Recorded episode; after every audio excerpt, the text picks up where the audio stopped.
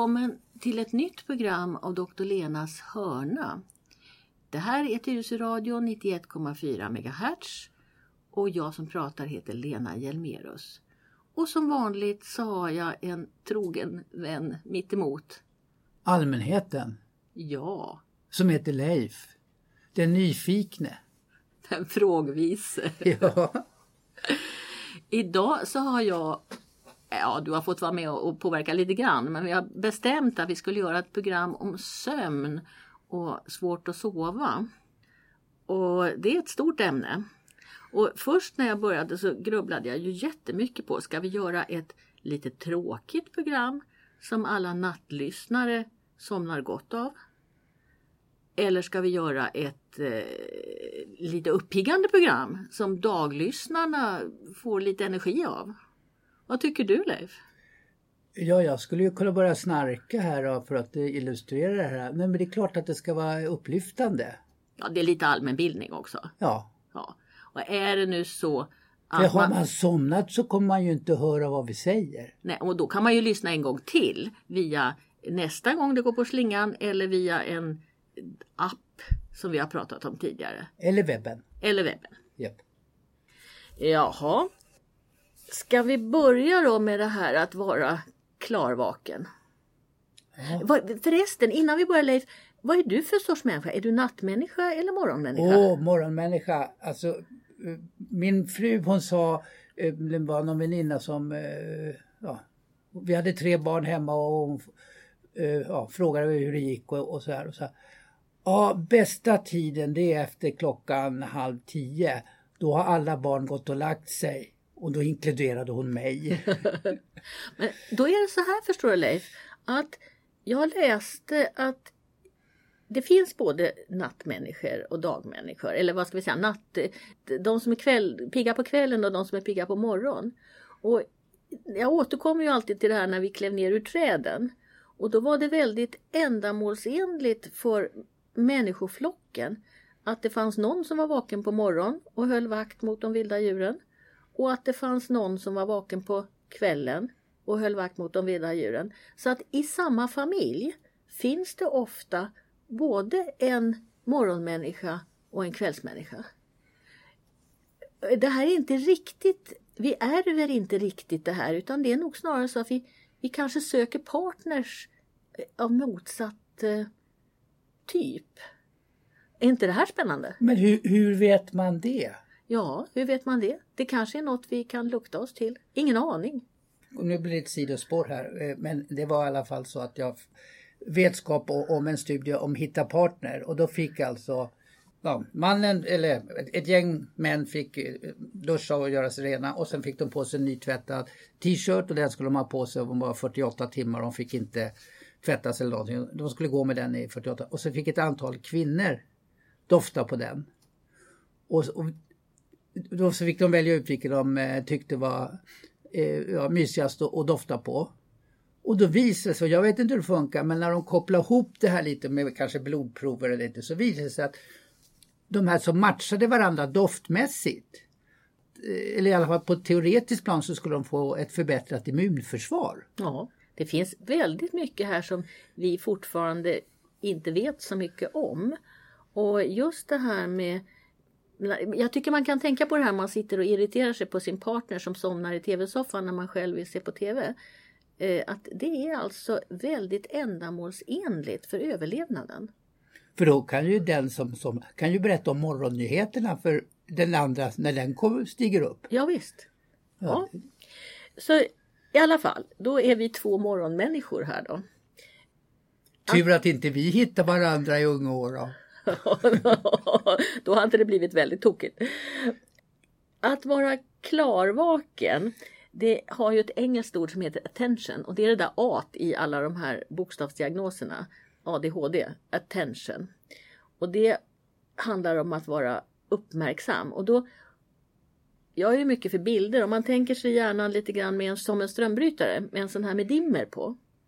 Så har man ju fullt ös, alla strålkastarna på när man är klarvaken. Och då har man full uppmärksamhet och man har också förmåga att ta in alla intryck runt om, det som kallas för perception. Och så kan man koncentrera sig Man kan välja ut en sak som man fokuserar på. Men så vet du hur det är va, när man börjar bli lite trött och börjar slappna av lite. Vad kallar du det för? Dåsighet? Jag vet ja, inte. dimmighet, dåsighet. Jag tror att ungdomarna nu för tiden de chillar. Det här att, att lite skön avslappning. Och då har vi ju släppt både uppmärksamhet och perception och koncentration utan då är vi bara. Sen finns det ju då eh, kanske de som använder sig för eh, gifter för att framkalla den här dåsheten. Då tänker jag ju naturligtvis på alkoholen. För den har ju en sån effekt att man, att man slappnar av. Det är ju därför som den också är så begärlig för många. Som doktor sen så pratar jag ibland om ett nästa steg neråt som heter att man är somnolent. Då är man lite som drogad. Ögonen är öppna, man kan gå och stå men man är inte riktigt med. Känner du igen det? Nej, där har jag nog aldrig varit. Nej.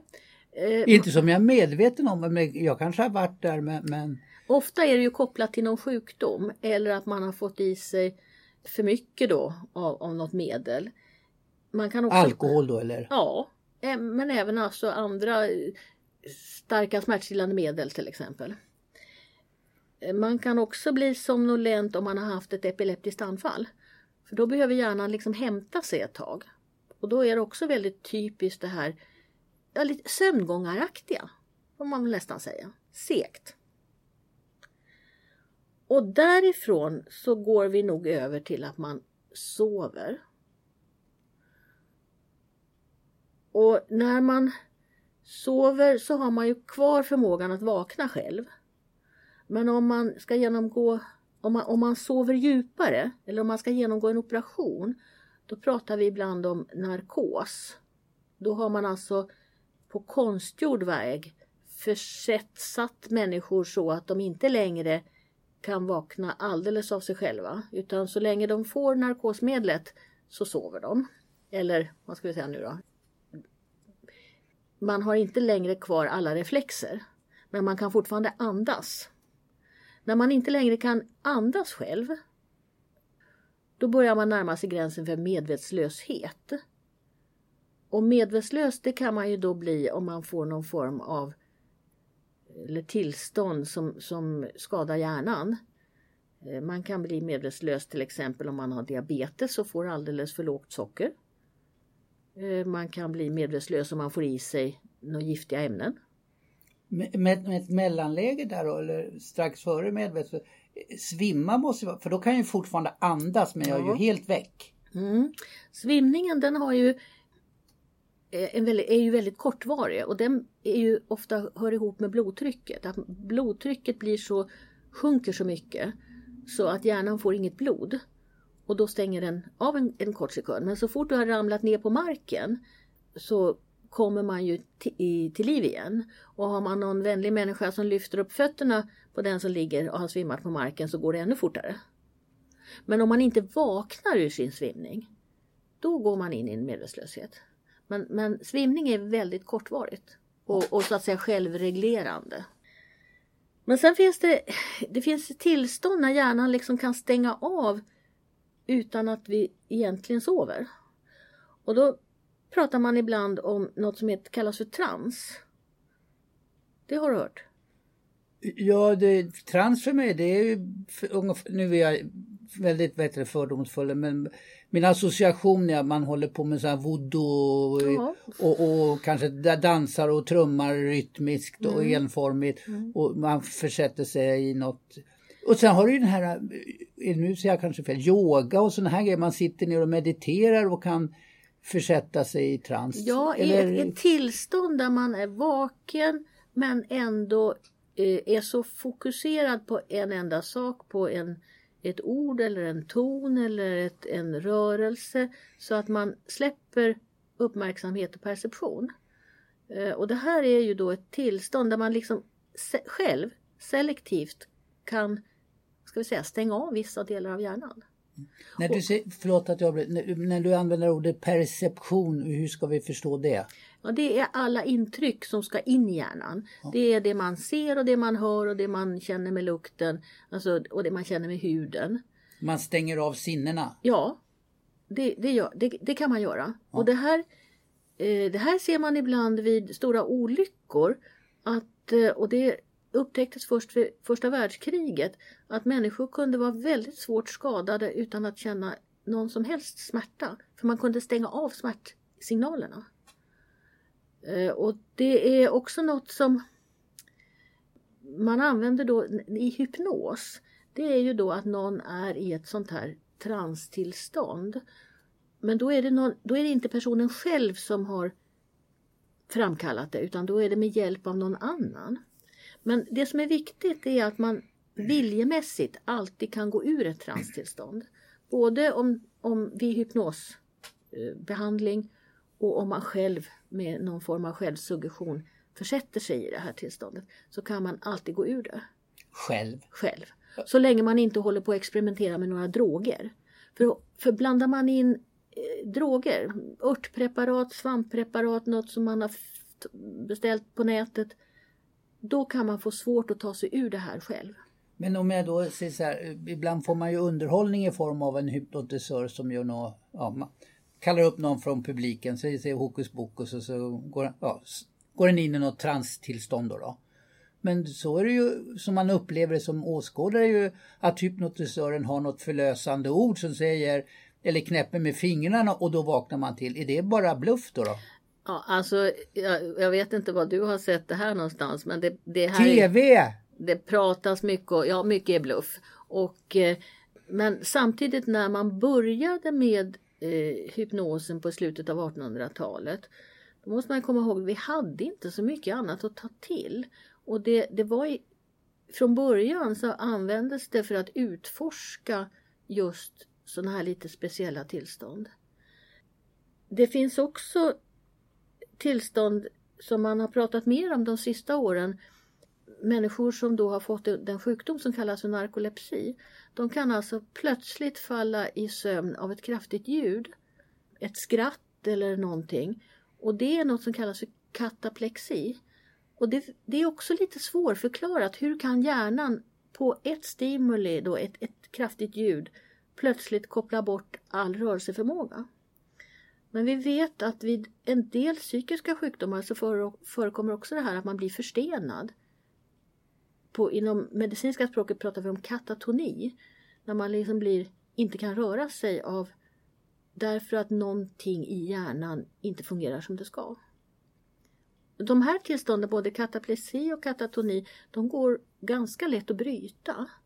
Men de är ju otäcka för den som råkar ut för något sånt här. Men den, den här, när vi pratar om narkolepsi, mm. det är väl att man faller i sömn väldigt kvickt? Ja. Men blir de stela också? Eh, en del av dem kan bli det. Det är just, tror jag, den narkolepsi som vi ser nu efter de här biverkan av vaccinationerna eh, där tror jag det är mera att man plötsligt kan falla i sömn vid ett ljud, inte så mycket här att man blir förstenad.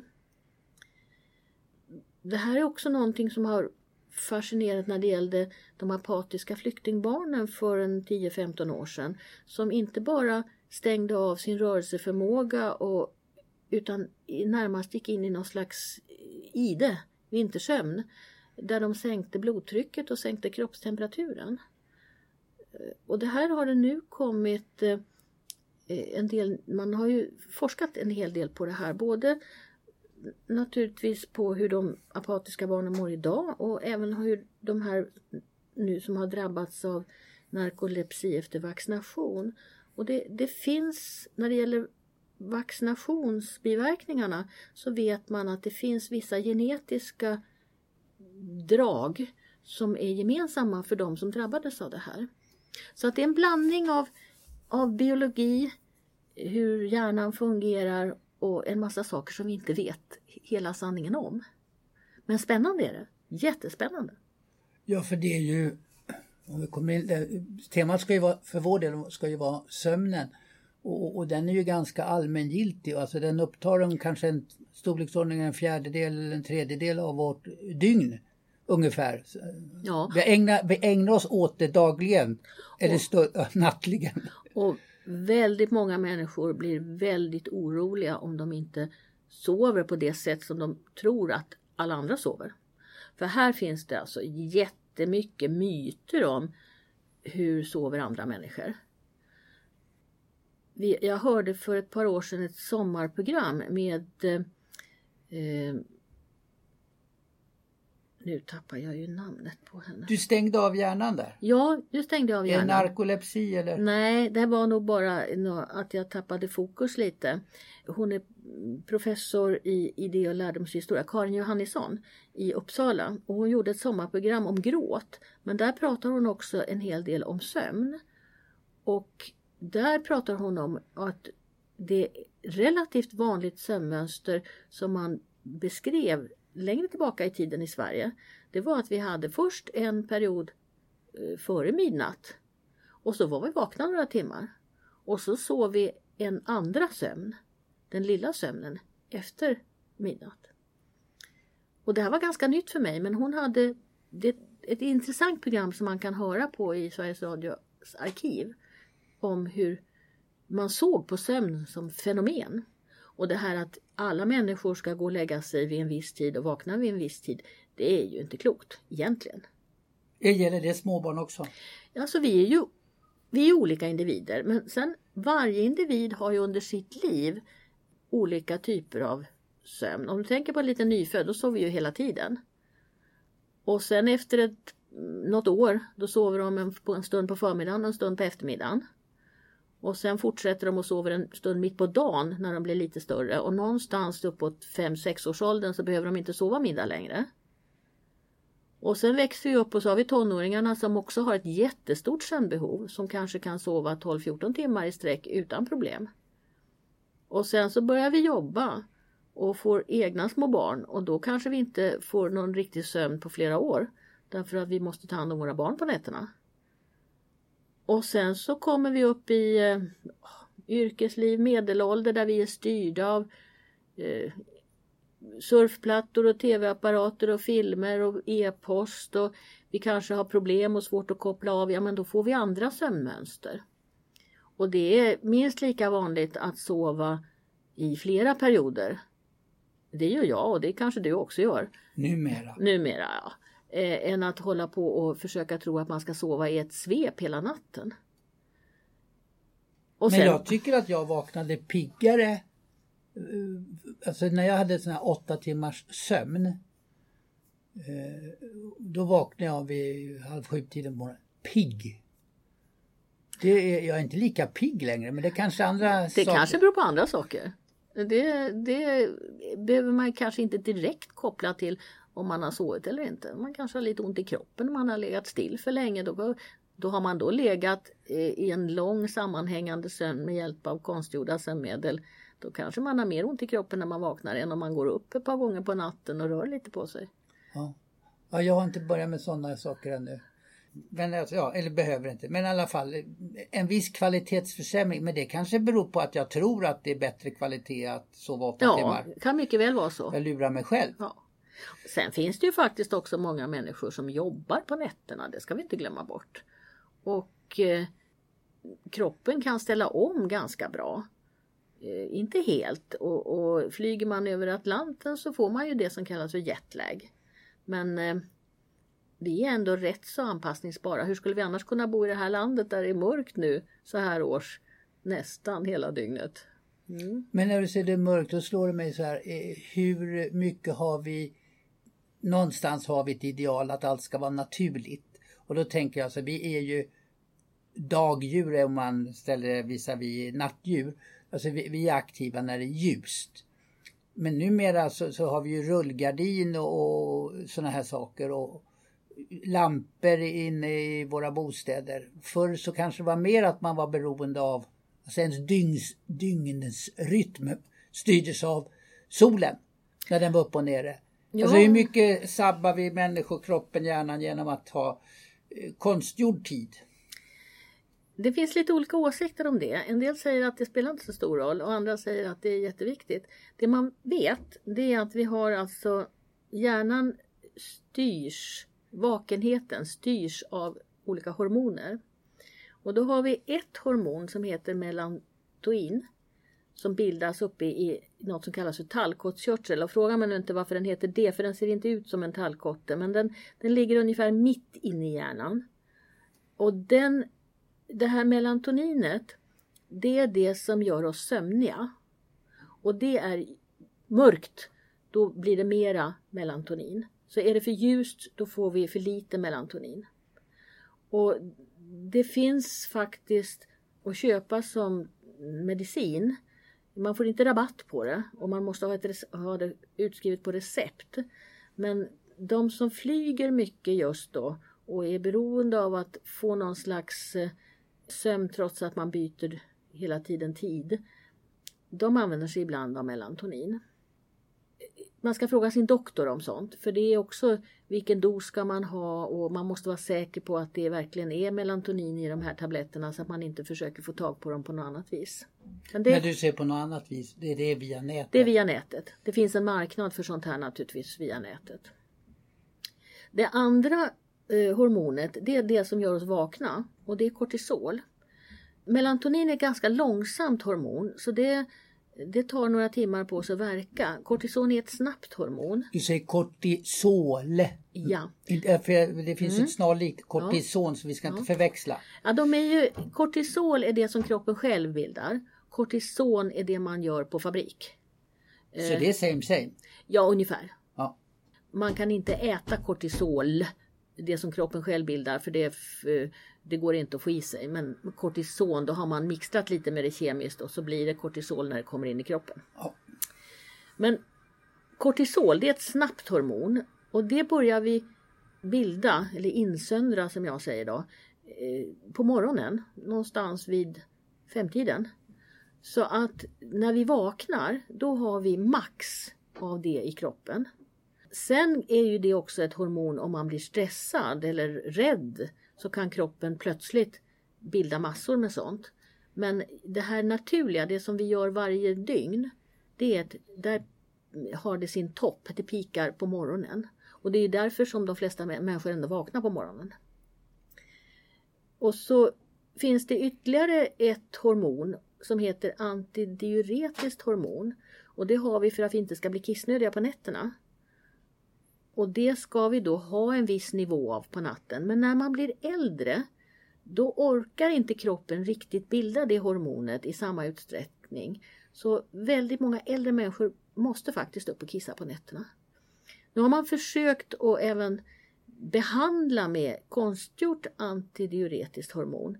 Men det har inte blivit någon sån där jättesuccé. Och jag kanske tycker ändå att det kan vara om man måste upp och kissa på natten då är det bättre att man har lyset tänt på toa så att man inte ramlar. Och så får man gå upp och kissa så får man gå ner och lägga sig igen och somna om.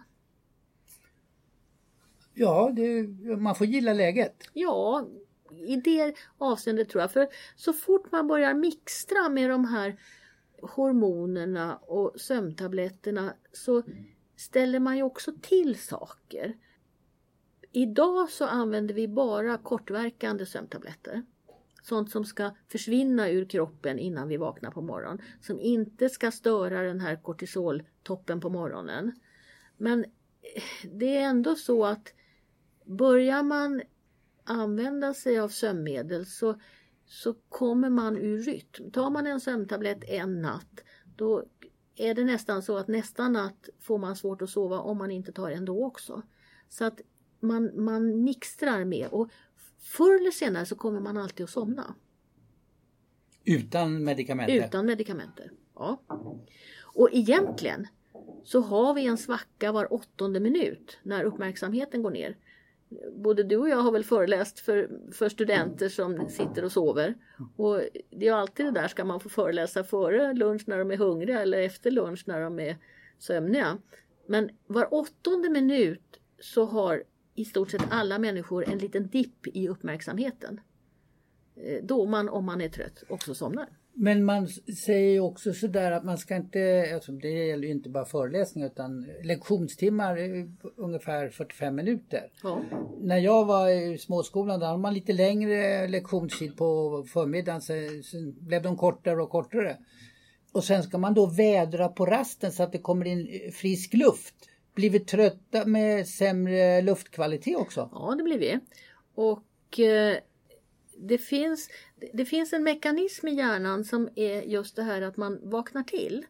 Och den heter också på A. Den heter arousal, alltså att, ja vad ska jag säga, man, man kickar igång.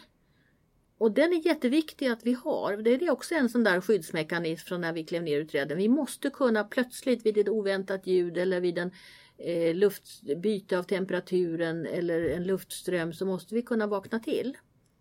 Och det här testar man ju alla nyfödda barn att de har en reflex. Det ser lite otäckt ut men man ser ut som man ska tappa barnet och då ska det slå ut med armar och ben. Eh, och det är ett tecken på att deras rauselsystem fungerar. Den heter mororeflex. Och den där reflexen att man slår ut med armar och ben, den ska försvinna. Men vi ska ha kvar eh, arousal-systemet. Men sen får det ju, det får ju bli lite, lite lagom. Man ska ju kunna sova Även om man har ett tåg utanför som passerar förbi en gång i timmen. Och hjärnan vänjer sig vid vissa saker. Vi har en fantastisk hjärna att anpassa sig faktiskt. Ja, det är som min bror. Han bodde vid Blåsut, alldeles i närheten av Blåsut eh, tunnelbanestation. Och till slut hörde inte han tunnelbanan. Nej. Vi som kom på besök, vi märkte ju av den. Mm. Så man undrar ibland så här, hur kan de bo där? Men ja, ja. man och, och jag menar, jag, jag är ju lite yrkesskadad för att jag har haft jour i nästan, ja, nästan 40 år vart fjärde natt. Jag ska kunna vakna av ett minsta lilla pip, telefonsignal um, och vara klarvaken och fatta kloka beslut. Och, och det gör ju att mitt arousal-system är ju lite, uh, det är ju lite som det är det. Förutom att vara vet du, morgonmänniska och hustru och kvällsmänniska så har vi helt klart olika eh, alltså sover olika djupt pratar vi om. Ja. Alltså hon vaknar eh, av, ja, nu ska, det här är sant faktiskt, men även om det låter jättelöjligt. Så ibland, inte allt för ofta, så snarkar jag och då brukar man få en liten putt. Så här, eh, älskling kan du vända på dig, du, du snarkar. Mm, ja, då gör man det. Men eh, här för ett tag sedan så fick jag en liten putt och sa älskling kan du vända på dig, du andas. Och det tyckte jag lät rätt roligt. Fick jag inte göra det heller. Men jag pustade väl snarare än eh, andades. Det var ja. det som var grejen. Ja. Alltså hon tål väldigt lite ljud. Ja. Och det finns, det finns ju många människor som måste sova med öronproppar till exempel för att de är känsliga för, för ljud. När man somnat så går man ner i sömndjup. Först så sover man ganska lätt och så sover man djupare och djupare. Och sen går man upp ur sömndjupet igen till någonting som kallas för REM-sömn.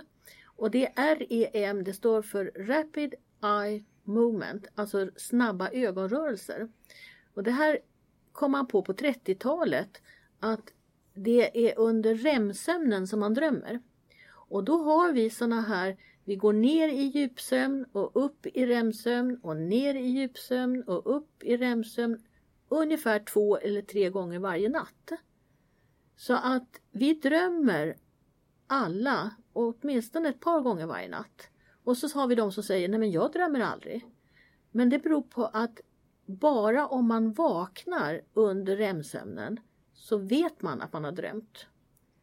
Annars så har man haft de här snabba ögonrörelserna men man vaknar man när man är nere i, på väg ner mot djupsömn eller ja, i alla fall har lämnat REM-sömnen, då minns man inte att man, eller vet man inte att man har drömt. Då blir det för mig så här, alltså jag drömmer ju också. Och då undrar naturen brukar sägas vara vist ordnad. Varför drömmer vi? Varför skulle jag sova bättre om jag inte drömde? Alltså vad fyller drömmen för funktion? Ja, man har testat för att se vad hände om man väckte folk hela tiden så de aldrig fick någon REM-sömn. Och då mådde de ganska dåligt. Men nu har det visat sig att för att de skulle hålla sig vakna fick de en hel del läkemedel som på den tiden inte ansågs så farliga. Och de där studierna de börjar man nu säga att de kanske inte var riktiga. Vi, vi kanske mycket väl kan klara oss med mindre REM-sömn. Men den, den, fyller nog ändå en sån funktion att den rensar hjärnan. Vi får ju alltså oerhört mycket intryck under en dag. Och hjärnan behöver vila, det är ju därför vi ska sova överhuvudtaget, att hjärnan måste få en paus. Och då finns det ju de som säger att drömmarna är ju ett sätt att liksom släppa ut saker som, som man har varit med om. Och i många drömmar så finns det något som brukar kallas för dagsrester. Alltså någonting som är kopplat till det man gjorde dagen innan eh, eller någon av de närmsta dagarna innan. Men, men om vi nu har remsömn och, och djupsömn så ska man väl inte heller hålla på och mixtra med det utan man får acceptera och som jag sa tidigare, man får gilla läget. Ja, och dessutom det är ju en tröst för de som inte kan sova och som lyssnar på det här programmet på Tyresöradion 91,4 nu när klockan är fyra på natten. Att det här eh, insomningen när den här vågen börjar, när man ska gå ner i djupsömn, den kommer ju då ett par, tre, fyra gånger varje, ungefär var tredje timme så passerar det någon slags sömntåg. Och har jag nu varit uppe och festat och missat min vanliga insomningstid vid 11 så kommer det ett nytt sömntåg klockan två. Och det är ingen fara, det är bara att invänta det. Så att eh, eh det värsta är väl när, när sista sömntåget kommer vid fem och väckarklockan sen ringer klockan sex. Det, det, är ju ingen höjdare. Men eh, att, att ligga vaken på natten, det är ingen fara. Men om jag då fortsätter med, med drömmar som jag, jag undrar då så här, du säger det finns lite dagsrester. Jag upplever ju också, i alla fall i mitt fall, och, och jag tror inte att jag är unik, men mitt tema, eller vad jag nu ska kalla det för, sista tio åren så finns det allt som oftast att jag går vilse. Det spelar liksom ingen roll var jag är någonstans. Alltså jag hittar inte tillbaks till där jag kom ifrån. Det är inte så, så otäckt att jag upplever det som mardrömmar men eh, jag, jag, är medveten, om man kan säga så, om drömmar. Men jag minns dem som att jag hittar inte tillbaka det kan ju inte bara vara dagsrest, det måste ju vara något annat knäppt i huvudet. Vet du vad Leif? Jag tror att vi eh, gör ett program till om drömmar. För att nu har vi pratat så mycket om den här biologiska sömn eh, med hormoner och, och, vad som händer och lite om sömnmedel. Så att eh, jag tycker vi gör ett program till. Ja, visst. Ja. Ja, jag tycker vi gör många program till. Ja, så då tackar jag dig just nu för det här. Och så återkommer vi om drömmarna i en fortsättning på den här hörnan. Och kanske något vi har glömt bort nu eh, om sömnen också. Ja, vi säger så. Tack ska du ha. Tack.